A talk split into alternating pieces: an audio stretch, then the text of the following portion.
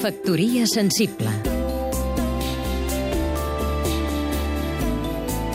Emili Rosales, escriptor i editor Ha tornat a sonar la nostra campana del temps antic, l'època medieval, que tan aviat ens sembla remota com se'ns fa present amb naturalitat. El govern ha decretat que 2016, coincidint amb el setè centenari de la mort de l'autor, serà l'any Llull. Alhora, el MENAC exposa els quatre caps de l'enigmàtic mestre de Cabestany, procedents de la portada de Sant Pere de Roda.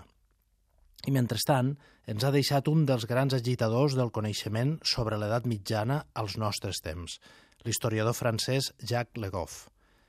Si ens hi fixem bé, cadascun d'aquests tres noms, Ramon Llull, el mestre de Cabestany i Jacques Le Goff, representen una porta oberta al descobriment, un estímul per a la curiositat.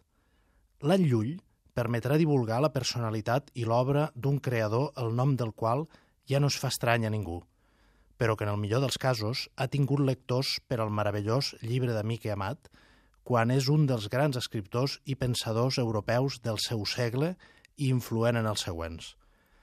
La vida de l'aventurer i contemplatiu Llull és fascinant en ella mateixa, com ho és el misteri de l'escultor de Sant Pere de Roda, originari potser del Llenguadoc o potser de la Toscana, i els petits caps de forma obliqua que se salten les normes escultòriques de l'època. Una època que, gràcies a historiadors com Jacques Le Goff, vam deixar de veure com l'era de l'obscuritat i se'ns mostra, cada vegada més, interessant i lluminosa. Factoria sensible